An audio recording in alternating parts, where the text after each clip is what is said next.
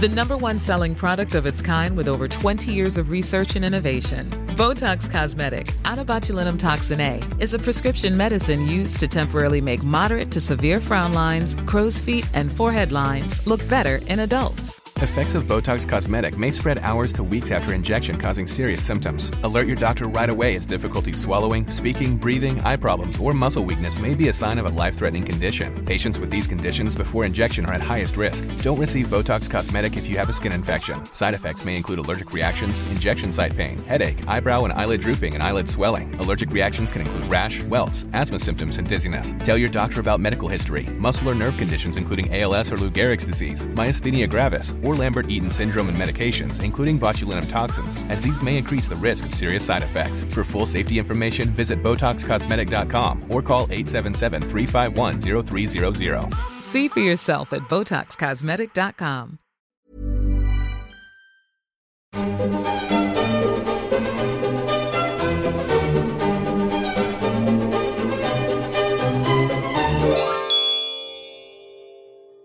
Hej och välkomna till Kungligt!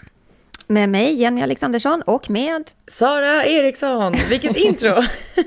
härligt, Hur är härligt det med att dig, höras i luren igen.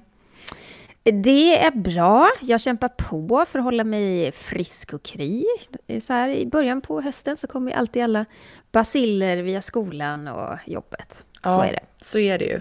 Ehm, Hur mår du? Jo men det är bra. Jag var väldigt rädd där att jag skulle dra på mig någon riktig höstförkylning. Jag var ju faktiskt på en coronaanpassad konsert i söndags. Åh, Eh, vad spännande. och det- vad, vad då? Marcus Krunegård spelade på Mosebacke i Stockholm på Södermalm och när vi bokade de här biljetterna, jag och min tjejkompis, så hade vi sett framför oss liksom, du vet, lite höstsol, Mosebacke är ju fantastisk utsikt över Stockholm. Men jag tror aldrig att jag har sett så mycket regn på en och samma Oj. tidpunkt. Fick du sitta där i en sån här regnponcho eller någonting? Jag hade på mig en regnjacka och gummistövlar, eh, men i och med att det var sittande så fick man ju de här två timmars eh, öppen himmelregnet rätt i knät. Ehm, Och under själva konserten, man blev ju så himla euforisk över att bara få höra livemusik och vara på Verkligen. konsert. Så då tänkte man inte riktigt på hur blött och eh, kallt det var. Men det fick man ju Nej. känna på när man gick därifrån och då tänkte jag att nej, nu blir det säkert en riktig dunderförkylning. Men eh, peppar Du har peppar, klarat dig. klarat mig än så länge. Du, det får mig att tänka på kungen när han satt i en svart sopsäck på Victoriadagen. Det hällregnade vid Borgholms idrottsplats. Ja, just och ja. eh, det enda skydd de hade mot regnet, kungafamiljen, det var de här svarta sopsäckarna. Det var väl någon som inte hade hunnit tänka till ordentligt att vädret kunde ändra sig. Men kungen för, drog på sig den. De kanske hade blivit för bortskämda för många år med så fint väder, för det är ju faktiskt ganska ofta fint väder just på Ja. Victoriadagen. Men ja, en regnponcho kanske hade varit bra. Vad ska vi prata om idag, Sara? Ja, men vi ska prata om prins Andrew som nu bygger upp försvar då och vi ska även prata om Harry och Meghan som är med på listan över världens mest inflytelserika personer och pryder nu dessutom omslaget av Time Magazine. Och det här Jenny, det har ju verkligen skapat ett ramaskri världen över, eller hur? Herregud, en lavin av kritik och en, ja, en hel del eh, peppande ord också i och för sig. Eh, främst i USA, för i Storbritannien så är de inte lika hyllade. Och nu funderar man på museet Madame Tussauds, Vaxdockemuseet, på att plocka bort Harry och Meghan eh, som dockor. Och Meghan, hon blir återattackerad av sin pappa i medierna och frågan är om de någonsin kommer bli sams. Ja, det är eh, verkligen en, en fråga eh, som vi bör diskutera och vi ska även prata om prinsessa Märta Louise dotter Maud Angelica som nu debuterar som författare. Och eh, vi ska även prata om att det snart släpps en dokumentär om prins Philip där brittiska kungafamiljen delar med sig av minnen av prinsen och vi får även se då bilder som vi aldrig tidigare har sett. Det blir spännande. Ja. Men vi ska ju vi slår ner i Storbritannien först. Det Ja, första vi gör, det gör vi. i podden. Yes. Du nämnde ju där Sara i introt att prins Andrew han bygger upp ett försvar och ja, det gör han ju verkligen. Ni känner ju alla till den här historien. Eh, att eh, Virginia Roberts Jeffrey, eh, en ung kvinna som blev eh, våldtagen och eh, utsatt för diverse skit av Jeffrey, Jeffrey Epstein. Eh, han blev ju dömd för, för sexbrott. Jeffreys bästa vän, eller inte bästa, men nära vän, prins Andrew, utpekas ju nu som en person som Virginia tvingats ha sex med, så hon har stämt honom i ett civilrättsligt mål. Det är bakgrunden. Och nu så har prins Andrew då anlitat Hollywood-advokaten Andrew Brettler som tidigare försvarat flera kända män som då misstänkts för våldtäkt. Ja, och den här advokatbyrån då, eh, Levelly and Singer, har många kändisar på sin klientlista. En av dem är ju skådespelaren Army Hammer som anklagades för sexualbrott eh, och kannibalism i ett mycket uppmärksammat mål tidigare i år. Och hans advokatbyrå har även representerat eh, Charlie Sheen och Bill Cosby. Så att eh, flera stora namn finns ju tidigare med bland deras klienter och nu även då prins Andrew. Mm. Det är väl ingen slump att prins Andrew väljer just eh, Andrew Brettler. Jag tror att det är ett väldigt eh, strategiskt val. Och det var ju bara fyra timmar innan den första förhandlingen skulle starta som Andrew Brettler då meddelade att det är han som ska försvara prins Andrew. Mm. Men han har ju ett helt stall av medhjälpare såklart, så att det är ju en svärm av advokater som ska hjälpa prins Andrew ur den här, ur den här knipan. Och första förhandlingen har ju faktiskt varit.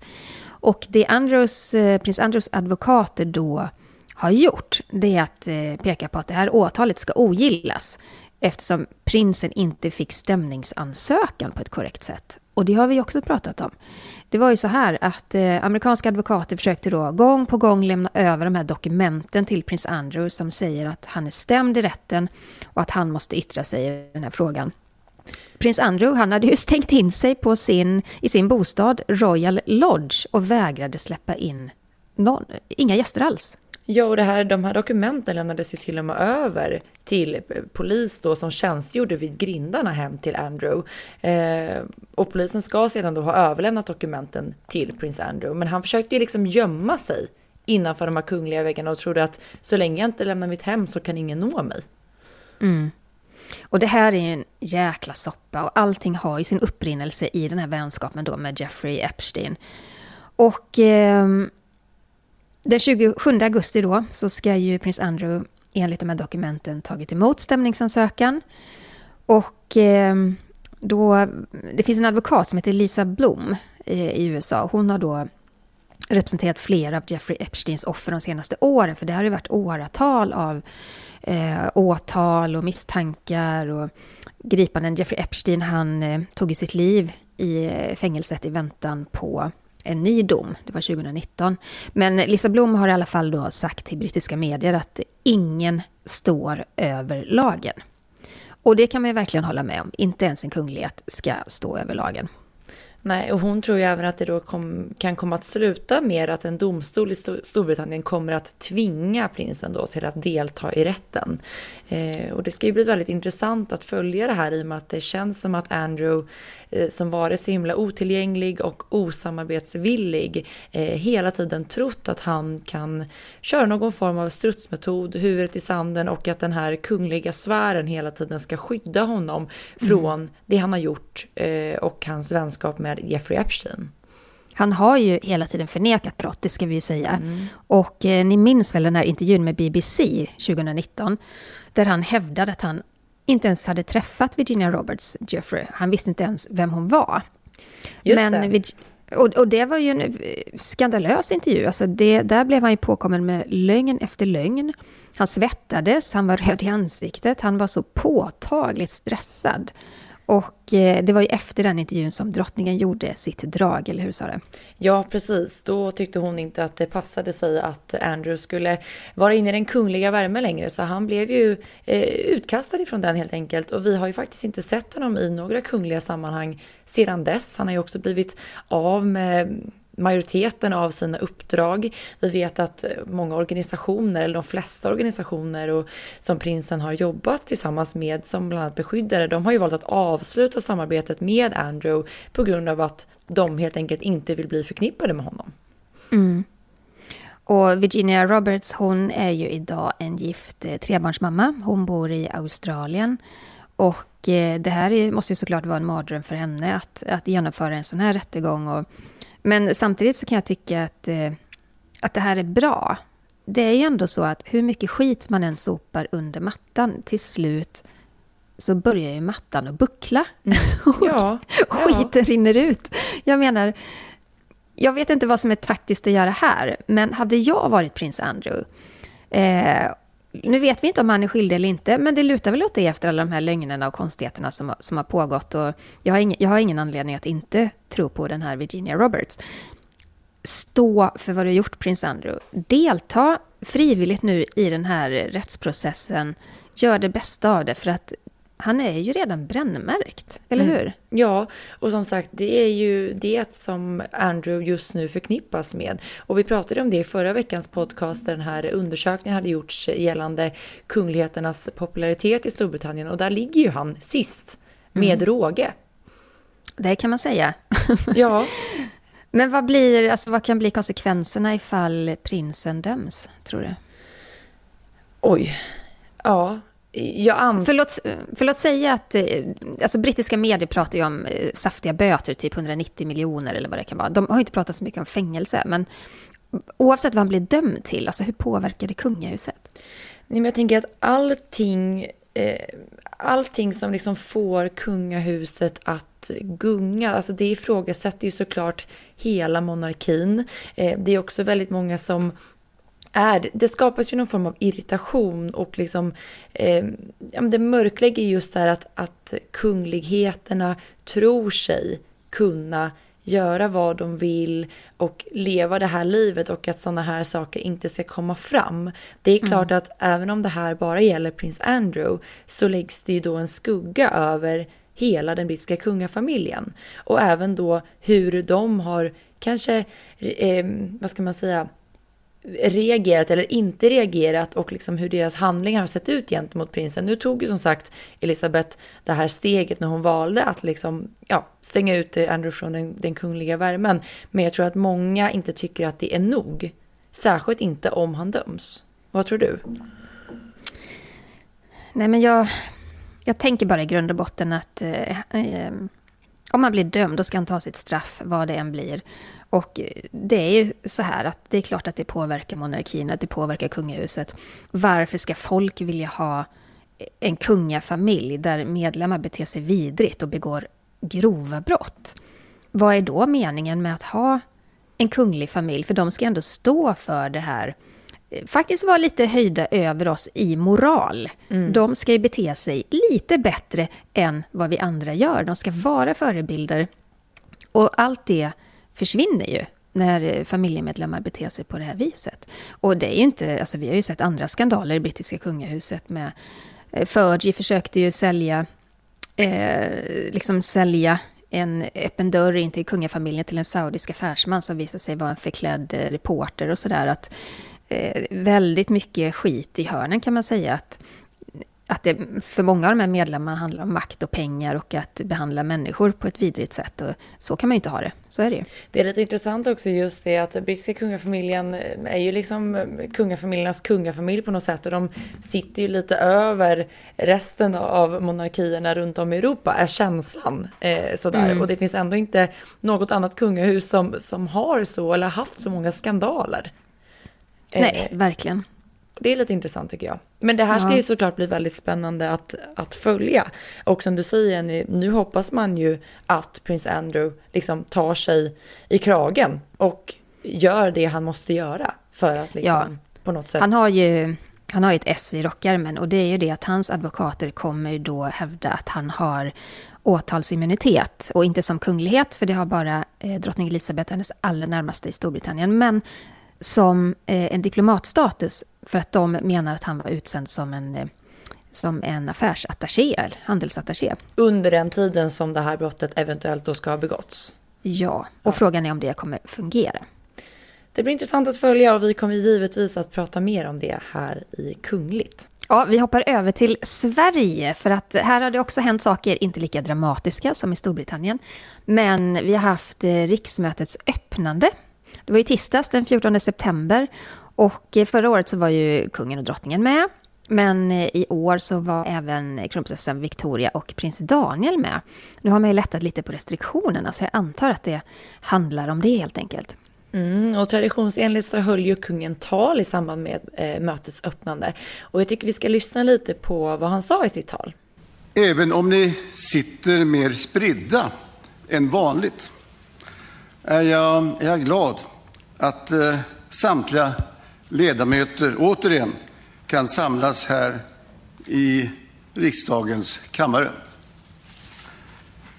Vi är många som hoppas att dagens ceremoni ska vara ännu ett steg på vägen ut ur pandemin och mot en mer normal tillvaro. Drottning Kristina författade under sin livstid mer än tusen asforismer. Och en av dem har jag fäst mig särskilt vid. Och lyder som följer. Ett lands lycka och välgång står och faller med den kunskap och bildning vi ger våra unga. Det är lika sant idag som när det skrevs på 1600-talet. Ja, det går ju inte att komma ifrån att det är så mycket som fortfarande handlar om corona och pandemin i vårt samhälle. Och det är ju inte förvånande att kungen tar upp det, eller hur? Nej, utan han valde att lyfta i, i talet just de här utmaningarna som präglat eh, vårt land under det här året och alla människor. Eh, och han belyste även att det finns eh, andra orosmoln både inom Sverige och i vår omvärld.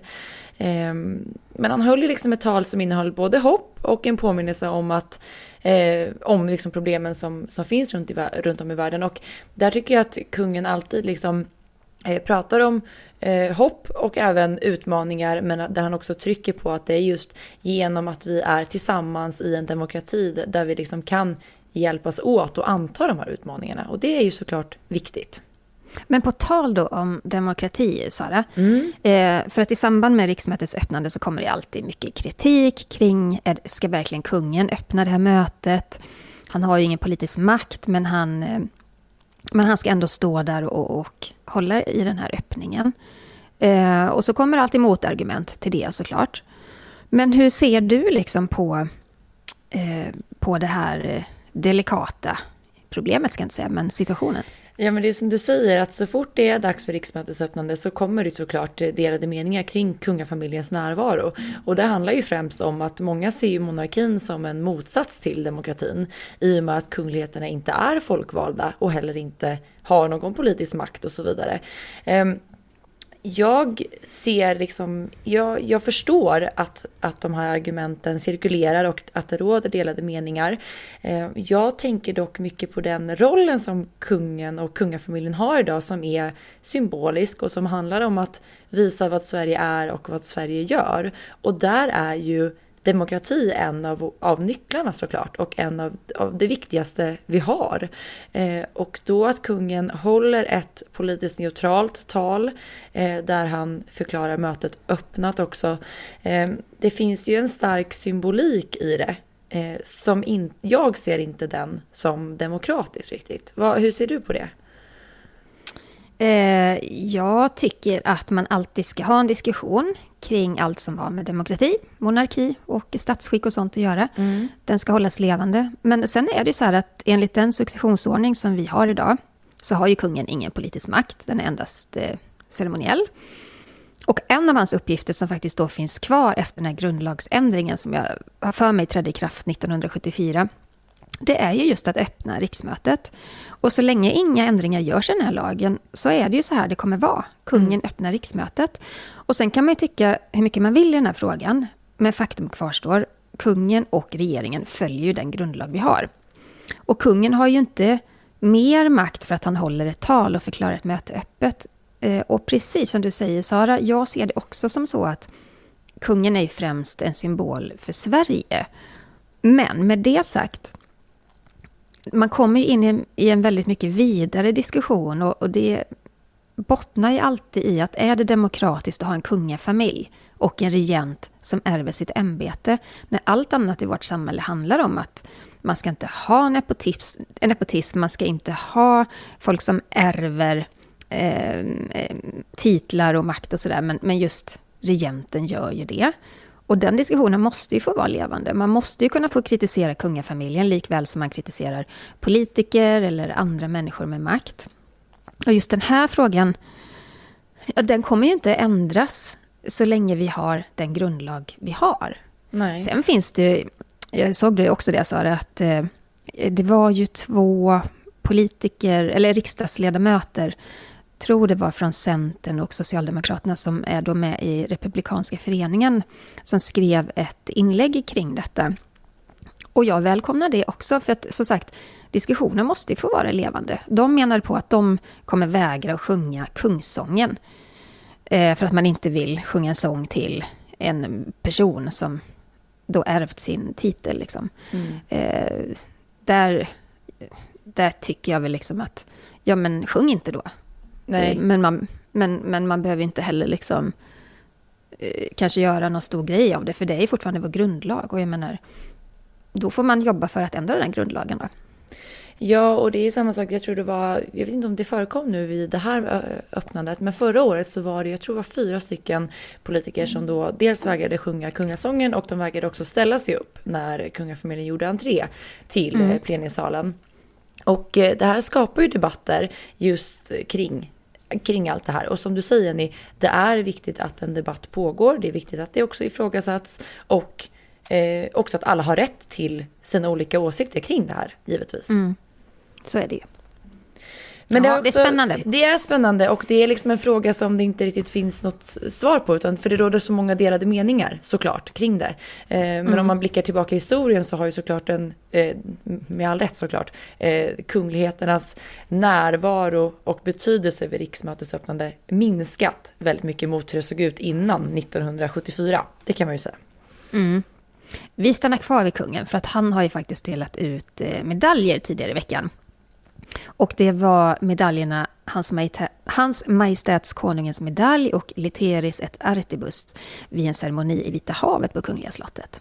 Ja, och det var ju kul. Vi som sagt, vi börjar återgå lite mer till det normala, så nu kan man ändå samlas eh, några stycken vid sådana här eh, ceremoniella tillställningar. Och eh, tidigare så kallades ju den här medaljen för hovmedaljen eh, och den tilldelas då människor som gjort eh, särskilda eh, förtjänster för samhället samt konstnärliga insatser inom musik, eh, scenisk framställning och litteratur. Och eh, förra året då så hölls ju ingen ceremoni på grund av pandemin, så nu fick ju de som tilldelats medaljen 2020 närvara på slottet och där såg vi eh, olika pristagare, eller hur Jenny? Ja, eh, Beatrice Ask, eh, mm. Robin, artisten, Johan Ulveson, skådespelaren, Leif GW Persson.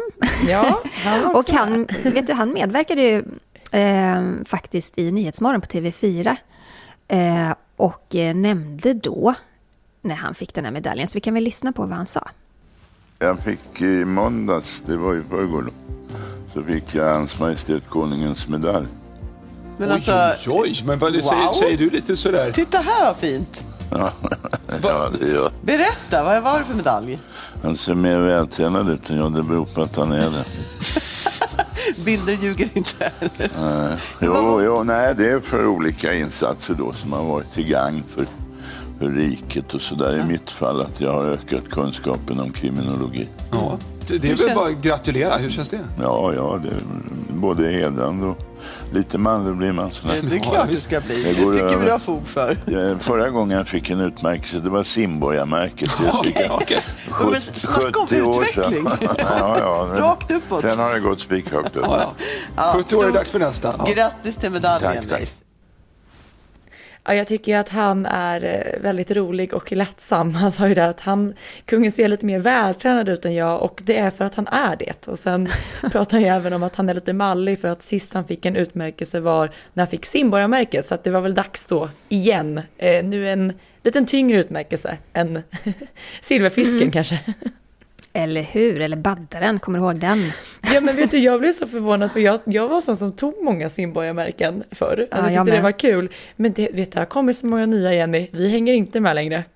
Va? Har de ändrat menar du? Det, har, det är så mycket färger och det är pingviner och det är, du vet, ja, det, förut var det ju baddaren och sen var det ju fiskarna och sen var det ju fiskarna med krans, liten krans och sen var det ju större krans.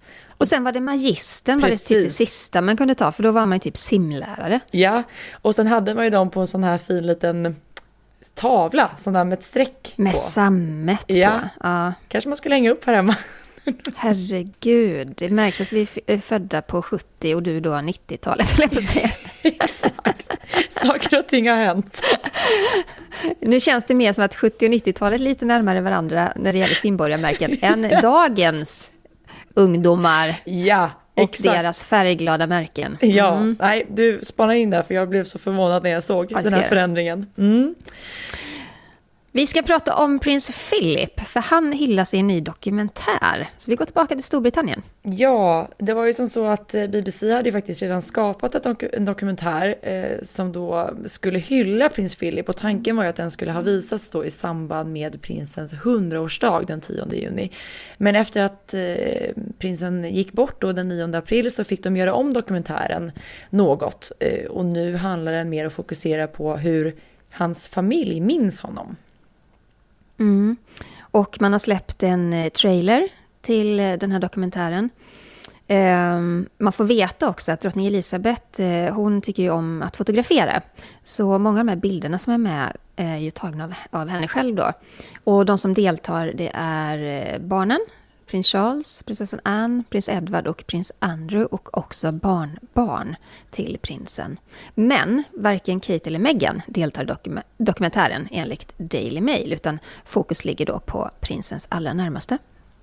Ja, så är det. Och jag tycker vi kan lyssna lite på trailern där vi redan nu får höra några av rösterna i dokumentären. He's always been a huge presence behind everything we've done really. What you see is what you got with my grandfather. He was unapologetically him. You never really prepare yourself for losing him because he was always there. We were lucky to have him for nearly a hundred years. Prince Philip, the royal family remembers. Den här tycker jag låter väldigt spännande. Det är klart att när en person har gått bort så, så kommer ju så väldigt mycket handla om hyllningar och man lyfter fram de eh, fina, vackra sidorna av en person. Ehm, men jag skulle, jag hoppas att de berör lite grann om prins Philips barndom också, för den var inte särskilt vacker. Eh, och det gör ju det hela lite intressant. Mm. Har du hört någonting mer om hur den är uppbyggd, Sara, själva dokumentären? Nej, det har jag inte gjort, utan eh, jag har endast tagit del av den här trailern då, där vi hör både William, Harry, Charles och eh, Sarah Tindall. och man har ju också då bland annat prins Harry säga att så här, citat, när det gäller min farfar så var han sig själv utan att be om ursäkt, slutcitat.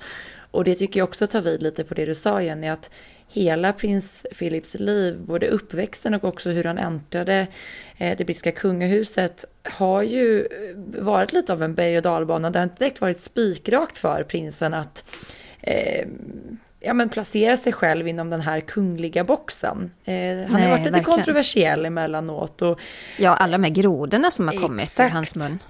Eh. Och det är väl lite det kanske som Harry syftar till när han säger just det där utan att be om ursäkt. Han var alltid sig själv. Eh, men jag tycker mm. det ska bli, det här känns som en dokumentär som verkligen är värd att se. Och den kommer ju att sändas på BBC den 22 september. Mm, den ska vi titta på, helt klart. Det ska vi göra. Men nu kära lyssnare, nu är det dags för veckans Harry och Meghan.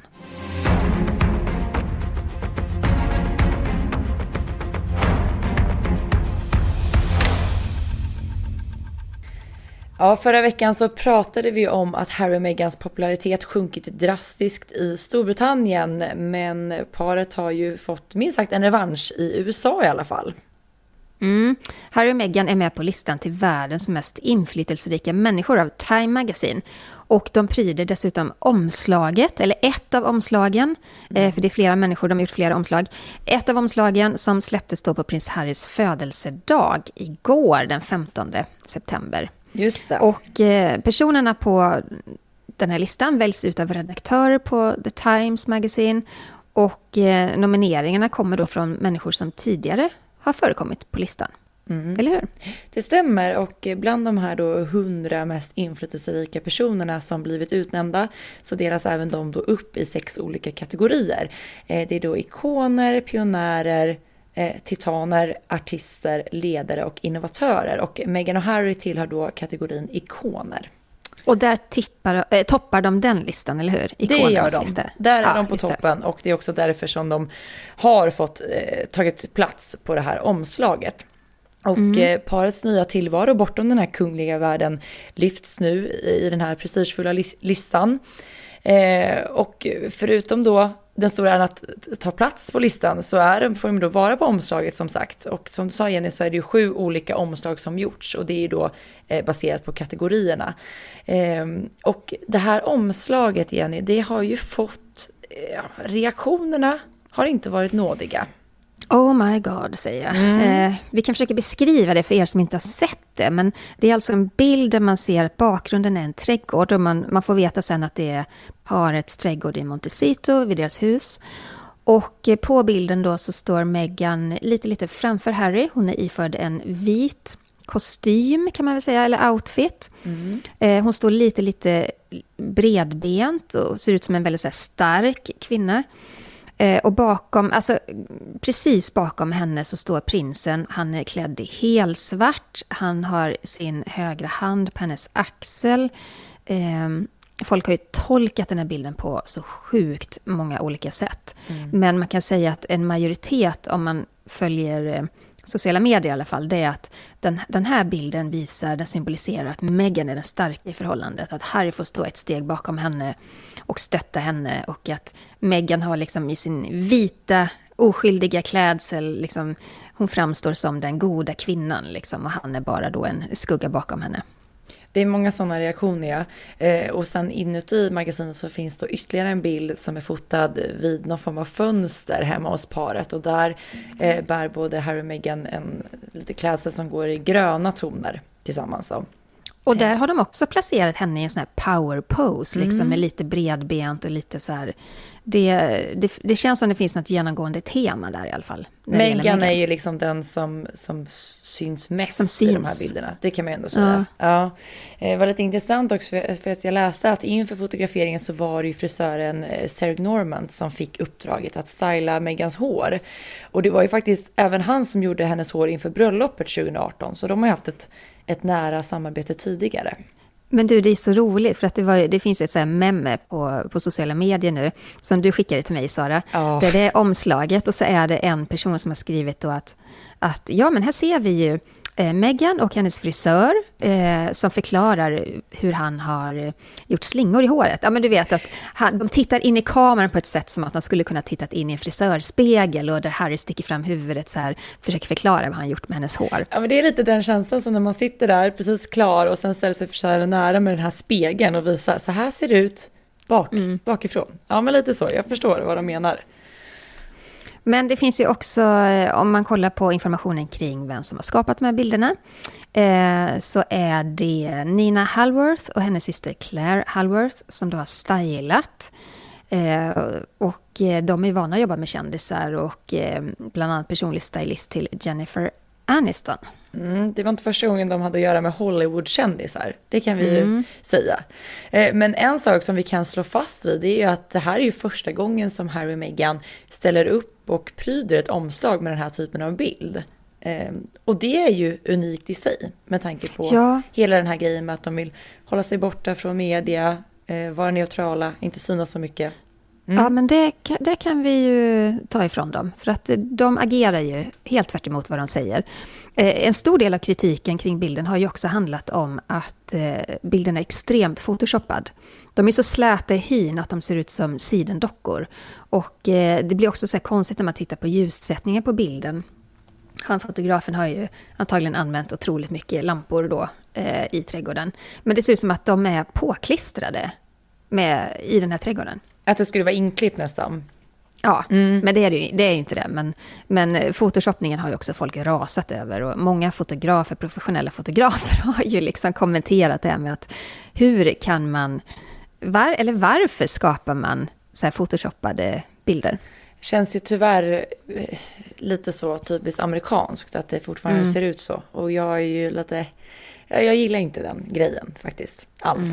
Eh, men vi kanske ska prata lite om själva motiveringen då till, till att de nu är med på den här listan. Eh, de hyllas ju väldigt mycket för sitt välgörenhetsarbete och då är det José Andrés som grundat World Central Kitchen. Vi har pratat om det tidigare att Harry och Meghan har jobbat tillsammans med den organisationen och jag tror även att de är god vän med José Andrés. Mm. Um, så han har alltså skrivit den här nomineringen, eller skrivit texten i tidningen? Ja, precis. Um, mm. Och där han bland annat då skriver att Harry och Meghan är bra på att agera inom de frågor som ligger dem varmt om hjärtat. Eh, vi kan ju läsa då exakt vad det står. Då står det så här, citat. I en värld där alla har en åsikt om människor de inte känner, känner hertigen och hertiginnan istället medlidande med de människor de inte känner. De tycker inte, de tycker inte bara, de springer mot kampen. Slutcitat. Åh herregud, ursäkta mig, men vilken plattityd. Ja. Eh, de springer mot kampen, ja det kan man verkligen säga att de har gjort. Alltså, kära lyssnare, nu låter jag så oerhört negativ. Jag är inte negativ till att de är med på listan, men jag är negativ till det här sötsliskiga. Ja, springer mot kampen har de uppenbarligen gjort, för att de har ju tagit eh, fighter både här och där, konstant hela tiden, till och med mot sina egna familjer. Så ja. Men, men Sara, eh, om vi nu ska vara då jättekritiska. Mm. Eh, de ska då vara en av världens inflytelserika personer och det handlar om välgörenhet. Vad är det de har gjort som är så otroligt outstanding inom välgörenhet? Alltså det som stör mig lite i den här motiveringen och där man lyfter deras... Självklart så finns det ett viktigt arbete bakom välgörenhetsorganisationen. Men där skulle jag säga att det finns så många kungligheter i den här världen, om vi nu ska, om vi nu ska prata om kungligheter kopplande till välgörenhet, som gör ett enormt arbete och som faktiskt gör så himla stor skillnad. Jag tänker framförallt på eh, svenska drottning Silvia och arbetet med Childhood Foundation. Eh, mm. Där tycker jag man kan prata om ett välgörenhetsarbete som verkligen gjort avtryck och gör avtryck än idag, om vi nu bara ska fokusera på det kungliga. Och den ja, under, under så många år också mm. som drottningen har arbetat med det. Men, men problemet här är väl att Harry och Meghan är kändisar. Alltså de är ju mer kändisar än vad de är kungliga. Och då är det väl enormt tacksamt att sätta dem på ett omslag därför att eh, Times redaktörer vet att det kommer ju skapa enormt mycket bass. Ja, vi sitter ju och pratar om det nu. Det säger ju mm. ganska så mycket. Och det hade ju ja. inte hänt liksom så. Nej. Ehm. Men, eh, men det är också så här, det, det som skaver lite det är ju att, eh, att Harry och Meghan också jobbat liksom mot, eh, mot miljön. Det finns också andra kungligheter som gör det bättre. Men i motsats då så sätter de sig gärna i en privatjet och flyger till nästa destination och så vidare. Så att det är ju ett par som också är kontroversiella i det att de gärna framhåller det de gör, men att de kanske inte lever som de lär. Och Exakt. Det är väl en springande punkt. Det jag också tycker är lite det som irriterar och sticker lite och som jag också har läst väldigt många kommentarer om nu på hur folk har reagerat på det här. Det är att i motiveringen så står det även att paret då ger sin röst till de röstlösa genom sin medieproduktion och välgörenhetsorganisation. Så står det också så här, de tar risker för att hjälpa samhällen i nöd. Eh, vilka risker är det de har tagit förutom fighten gentemot det brittiska kungahuset? Har de varit på plats någon gång för att hjälpa? Nej men alltså det enda jag har sett har varit ett ganska så här ordmosigt uttalande om Afghanistan. Vilket de också Ska fick mycket kritik för. Ja, är det då att ta en risk att bli utsatt för kritik? Jag, tycker eh, jag vet inte. Prinsessan Sofia har ju till och med, alltså hon klev ju in på Sofiahemmet för att avlasta vårdpersonal som, eh, som behövde arbeta med corona, eller, eller alltså, vad heter det, covid-19-sjuka människor. Där tar man en risk. Och prinsessan Sofia blev ju sjuk sen i, i corona. Och jag Vad är det där samma paret? Sak, liksom Project Playground, Sofia och hennes eh, eh, väninna tillika kollega Frida, de är ju på plats i Sydafrika och hjälper till. Eh, jag menar, de är ju mm. närvarande på ett helt annat sätt än vad Harry och Meghan någonsin har varit. Och just att man ska säga att de har tagit en risk. De har tagit en risk för att utsättas för kritik och blivit omskrivna i media? Är det, en, är det en risk? Det är den enda risk, den enda risk som jag kan se i så fall. Och det, de har tagit. det stör mig väldigt mycket. Och sen också att de ger röst till de röstlösa. Snälla lyssnare, hjälp oss, påminn oss gärna. Vad är det för röstlösa som de har gett en röst till? Är, pratar, är det då det här med mental ohälsa? Kan det vara det? För det var en fantastisk insats, men det, det jobbade även Kate och William med. Um, för jag menar, jag vet när de då trädde ut ur kungahuset så hade de en dekret till pressen att eh, de skulle välja ut eh, medier som fick eh, täcka deras uppdrag och sådär. Eh, sen visade det sig att de sket ju totalt i det. De har inte blivit intervjuade av några up and coming journalister, utan de, de har ju satt sig i, i trädgården hos Oprah Winfrey och blivit eh, intervjuade av en av världens största tv-stjärnor. Mm. Så det är det här att leva som man lär. Om man går ut med um, ett viktigt budskap men själv sen lever totalt emot det. Jag vet inte, Sara. Nej. Nej. men jag tycker det är viktigt att man också ställer sig lite kritiskt till det här. För att så här, det är jätte, så här, de har blivit, de är med på den här listan och de har själva uttryckt att de är väldigt ödmjuka och tacksamma efter att ha kommit med på listan. Där de gjort via då sin Archwell Foundation. Eh, men jag tycker också att man ska ifrågasätta så här, vad är det de har gjort som gör att Hollywood tycker att de är alltså, världens topp 100 det finns så många människor där ute som gör en sån, sån, insats för världen och för förändring på riktigt. Och därför mm. vet jag inte om just Harry och Meghan skulle ta två av de platserna. Nej. Om man nu lägger någon, mm. någon vikt vid listan så att säga.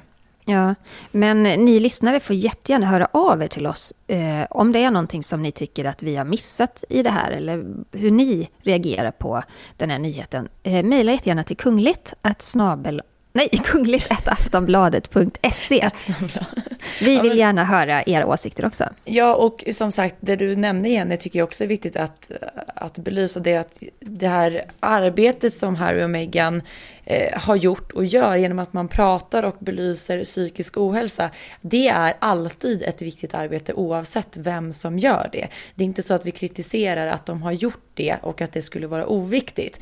Men jag tycker bara att själva den här motiveringen till att de skulle vara så inflytelserika och att det de har gjort står sig så mycket högre mot vissa andra viktiga saker som har, skett liksom under året. Det är mm. det som blir lite knas tycker jag. Ja, men eh, i samband med detta eh, utnämnandet då så skriver Harry och Meghan eh, på sin sajt Archwell att de är ödmjuka för att de har kommit med på den här listan. Ja. Och många tror nu liksom att det här omslaget symboliserar en ny era för paret, liksom en era av synlighet. Nu kommer de liksom synas ännu mer och höras ännu mer. Och då undrar jag, Sara, vad tror du? Blir de ett influencerpar kanske? Nej men eh, det är ju många som, som höjer på ögonbrynen just för att ser Harry och Meghan sig själva som någon form av globala ledare nu efter det här året och efter att de har lämnat kungafamiljen. Och ja, det tror jag faktiskt att de gör. Ehm, jag tror att det här liksom inte sista, första och sista gången vi ser paret i den här typen av sammanhang alls. Vad tror du? Nej men verkligen. Jag har för mig också att Eh, att Meghan var med på Times lista förra året. Eh, men inte, hon toppar den inte på något sätt, men jag tror att hon har varit nämnd där tidigare. Så att det här kanske var något naturligt steg liksom, mm. för redaktörerna. De märkte väl också hur stor, stort genomslag, stor genomslagskraft hon har. Mm. Eh, för jag var inne och kollade på Times Instagramkonto och i chock sitter och läser de här kommentarerna för att folk är oerhört kritiska och de är kritiska på ett konstruktivt sätt och de är kritiska på ett vidrigt sätt. Så det finns alla grupper i detta. Mm. Men jag kan säga så här, av, av det jag har läst igenom och scrollat i morse, 90 procent av de som är inne och kommenterar där är så förvånade över att det här paret ska toppa en lista i den här kategorin. Ja. Nej, vi får se hur det här utvecklar sig, men eh, Harry och Meghans eh, nya roller håller väl så, så, liksom på att utformas och jag tror inte direkt att eh, deras, som de från början uttryckte det, att de ville ha en mer low key roll och inte synas så mycket i media, det är nog ingenting som direkt kommer märkas nej, av i den här nej, utvecklingen. Det där, ursäkta, det där var ju faktiskt bara bullshit. De har ju agerat tvärt det hela tiden. Ja, ja, alltså verkligen. Och sen ska det också bli intressant att se med tanke på den här mediala närvaron, vad som kommer att bli med deras podcast som släpptes, det är snart ett år sedan i december va? Släpptes mm, och där, avsnittet, där har varit ekat tomt. Det ekat tomt och det första avsnittet var ju då bara en teaser på de poddavsnitt som skulle komma under 2021. Eh, det har ju inte kommit ett enda under 2021. Jag undrar liksom vad Spotify tänker kring det här samarbetet, för att det handlade ju också om väldigt mycket pengar som Harry och Meghan fick för samarbetet. Mm. Men om vi nu ska plocka, äh, plocka prata om, eh, vidare om Harry och Meghans popularitet så i Storbritannien ligger de ju inte direkt lika mycket på plus som de gör för tillfället i USA. Eh, och ni vet Madame Tussauds, många som lyssnar har säkert besökt eh, det museet eh, när, de, när man har varit i London. Jag tror även att det finns på andra platser i världen också, va Jenny? Ja, precis. Ja. Och där har ju då paret tidigare Eh, stått bredvid eh, den brittiska kungafamiljen där alla vaxdockor är samlade. Men efter att paret lämnade kungahuset så flyttades faktiskt direkt Harry och Meghan bort från den kungliga sektionen på Madame Tussauds och flyttades istället till eh, Hollywoodkändisarna i och med att de valde att flytta till USA. Och där står de nu fortfarande placerade, men enligt en källa då till Express så är Harry och Meghan med på deras så att säga utvärderingslista och att det ligger nära till hands att de inte längre kommer att få stå, stå kvar på Madame Tussauds. Ja, och en representant för museet har sagt till Reuters, nyhetsbyrån, att Harry och Meghan har flyttats till eh, Awards Party Zone yeah. för att återspegla deras flytt från Frogmore till Hollywood. Så ja, vi får väl avvakta och se om de får vara kvar helt enkelt. Kanske de plockas ner från Madame Tussauds. Det blir ett tydligt statement från Storbritannien i alla fall. Ja, i alla fall att de går från kunglig status till kändisstatus. Och det kan ju vi bekräfta då med tanke på det här omslaget vi har sett i, mm. i tidningen. Ja. ja, men verkligen. Vi ska prata om Megans pappa, Thomas Markle. För han attackerar återigen Harry och Meghan. Han brukar ju höras i medierna titt som tätt. Eh, han har sällan snälla saker att säga om sin dotter och eh, dotterns man. Och eh, nu har han återigen då gjort några vassa uttalanden. Mm. Han säger att Harry och Meghan är fruktansvärt orättvisa mot sina barn som inte låter barnen ha någon kontakt med vare sig morföräldrar eller farföräldrar. Och själv har han ju inte haft någon kontakt med Meghan sedan bröllopet 2018. Eh, och han säger även att han funderar på att ta till juridisk hjälp för att få träffa sina barnbarn Archie och Lilibet. Men han lägger till att han inte vill att barnen ska vara som något form, någon form av brickor i ett spel och att han har då istället beslutat sig för att vänta. Eh, det här var ju en 15 minuter lång intervju i Channel 7s eh, frukostprogram som han deltog i. Och vi har ju sett tidigare att Megans pappa är ju inte rädd för att, för att delta i media. Och just säga exakt vad han tycker och tänker. Vi kan ju lyssna lite på vad han sa den här gången. Um, what lengths would I go to to see them? Uh, um, I would wait patiently till they were uh, ready to bring them to me. I don't want to be a stalker. I don't want to do anything like that. They live about 120 miles from me in Montecito. Uh, but uh, as long as she, she, my daughter has the attitude that she doesn't want me to see them, uh, that's the way it's going to be. I won't. I certainly won't do anything silly or uh, uh, attempt to stalk them to see my my grandchildren. Although, although I think they're being deprived of seeing all their grand all, all their grandparents, and they're being deprived of seeing all their relatives, and I, I think that's terribly unfair to them. Alltså den fråga jag ställer mig efter att ha hört det här, han pratar ju om eh, pratar ju om att han liksom eh, väntar ut Meghan. Han vill ju träffa sina barnbarn. Men de här regelbundna eh, attackerna och medverkan i media, gör det någonting gott för Thomas Markle? Eh, möjligtvis att han tjänar pengar på dem, men de bidrar ju inte till att han kommer bli sams med sin dotter. Det tror inte jag. Nej, och det här är ju en sån infektion, infektion, infekterad eh, relation som Meghan och hennes pappa har och den har ju pågått ända sedan innan parets bröllop 2018 och det har ju liksom bara som en liten tsunami liksom blivit värre och värre och värre eh, med åren. Och som sagt, som du säger Jenny, för varje uttalande han gör i media så tror jag att det är liksom ytterligare ett kliv bakåt i chansen att någonsin få träffa sina barnbarn. Ehm, jag tror inte att de kommer att bli sams efter vad som sagts i media och också den här rättsprocessen som faktiskt har pågått dem emellan. Mm.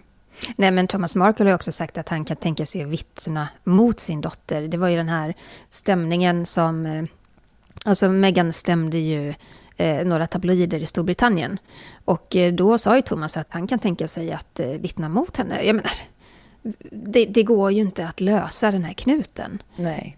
Jag tror att det kommer ta tid och det kommer krävas en enorm insats från eh, Thomas Markle i så fall.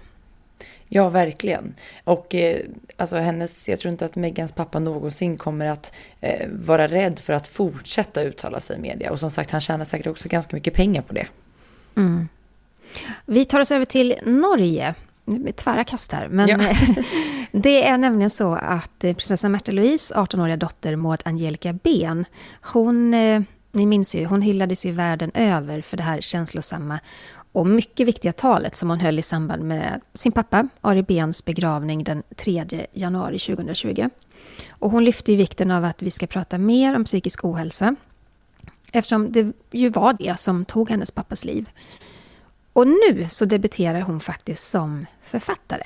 Ja, hon ska ju skriva en barnbok om psykisk ohälsa eh, och innan hennes pappa gick bort så hade hon tillsammans med honom påbörjat ett manus ihop för det var då en annan typ av bok egentligen. Men där någonstans så väcktes ju då det här intresset hos Maud Angelica om att skriva en bok.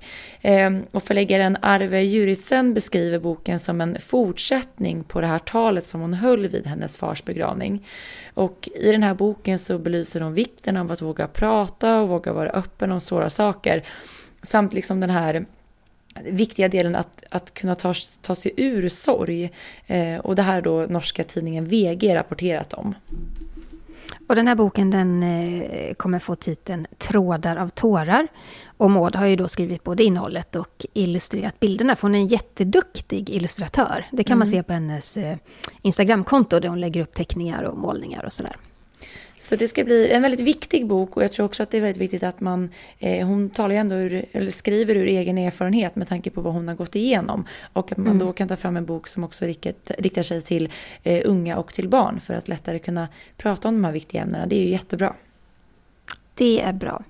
Eh, vi har fått en lyssnarfråga. Ni får gärna skicka in fler till oss på kungligt aftonbladet.se. Eh, den här kom via ditt Instagramkonto, eller hur Sara? Ja, precis. Det var en tjej som heter Saga som skrev till mig så här. Hej, jag såg den här missen på Twitter där moderaten Lars Bäckman la upp fel bild på kronprinsessan från riksmötets öppnande. Han publicerade en bild från 2019. Eh, men det är inte så konstigt att de blandas ihop bilderna för prinsessorna och drottningen bär ju alltid svarta och vita kläder. Varför gör de egentligen det? Jo, men det finns ett enkelt svar på det. Och det är ju så här att i alla tider, alltså riksmötets öppnande hette tidigare, tidigare riksmötets högtidliga öppnande och hölls på slottet och alla kungliga damer de bar hovdräkt. Och de dräkterna var i svart och vitt. Så eh, 1974 när, den, eh, ja, när riksmötet hölls på ett mer, eh, inte så kungligt sätt, eh, då ville man ändå efterlikna. Drottning Silvia bestämde sig för att nej, men då kör vi ändå på klädkoden svart och vitt och då bär man en svart och vit, vit dräkt och en hatt gärna. Och eh, det har ju alla kvinnliga damer i familjen anammat och det är därför vi ser kronprinsessan och prinsessorna i ofta kanske en svart eller vit liten dräktjacka och en knälång kjol. Och ja, man vill alltså behålla temat från de gamla eh, hovdräkterna. Och det är ju fint tycker jag att man ändå har valt att behålla den symboliken med tanke på att den här hovdräkten den, den instiftades ju av Gustav III så den har ju funnits med länge i bilden. Eh, och då är det ändå fint, även om vi inte ser kungligheterna i hovdräkten så finns det ändå kvar eh, vissa detaljer från den tiden. Mm. Nu för tiden så ser man ju mer eh, anställda vid hovet bära hovdräkt. Men idag är de ju eh, mörkblå och vita och eh, med lite så gallermönster på, på ärmarna. Den är väldigt fin tycker jag. Den är stilig. Mm. Millions of people have lost weight with personalized plans from Noom. Like Evan, who can't stand salads and still lost 50 pounds. Salads generally for most people are the easy button, right? For me, that wasn't an option. I never really was a salad guy. That's just not who I am. But Noom worked for me. Get your personalized plan today at Noom.com. Real Noom user compensated to provide their story. In four weeks, the typical Noom user can expect to lose one to two pounds per week. Individual results may vary. Ren och flott. Och den har drottning Silvia också varit med och ta fram. Ja. Som sagt, skicka gärna in fler lyssnarfrågor till oss och glöm heller inte att följa oss på sociala medier. Var hittar man dig, Jenny? På Instagram, kungligt med Jenny. Och var hittar man dig, Sara? Royalistan.se hittar man mig på. Det blev ett, ett innehållsrikt och vi har mycket tyck och tänk från vår sida. Men jag tycker det är härligt att få sitta och diskutera med dig, Jenny. Ja, men det är jättehärligt. Och vi vill jättegärna höra era åsikter också. Så glöm inte att, att mejla kungligt eh, aftonbladet.se.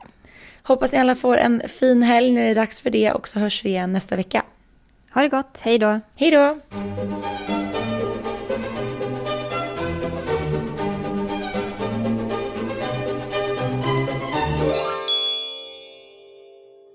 Du har lyssnat på en podcast från Aftonbladet. Ansvarig utgivare är Lena K Samuelsson.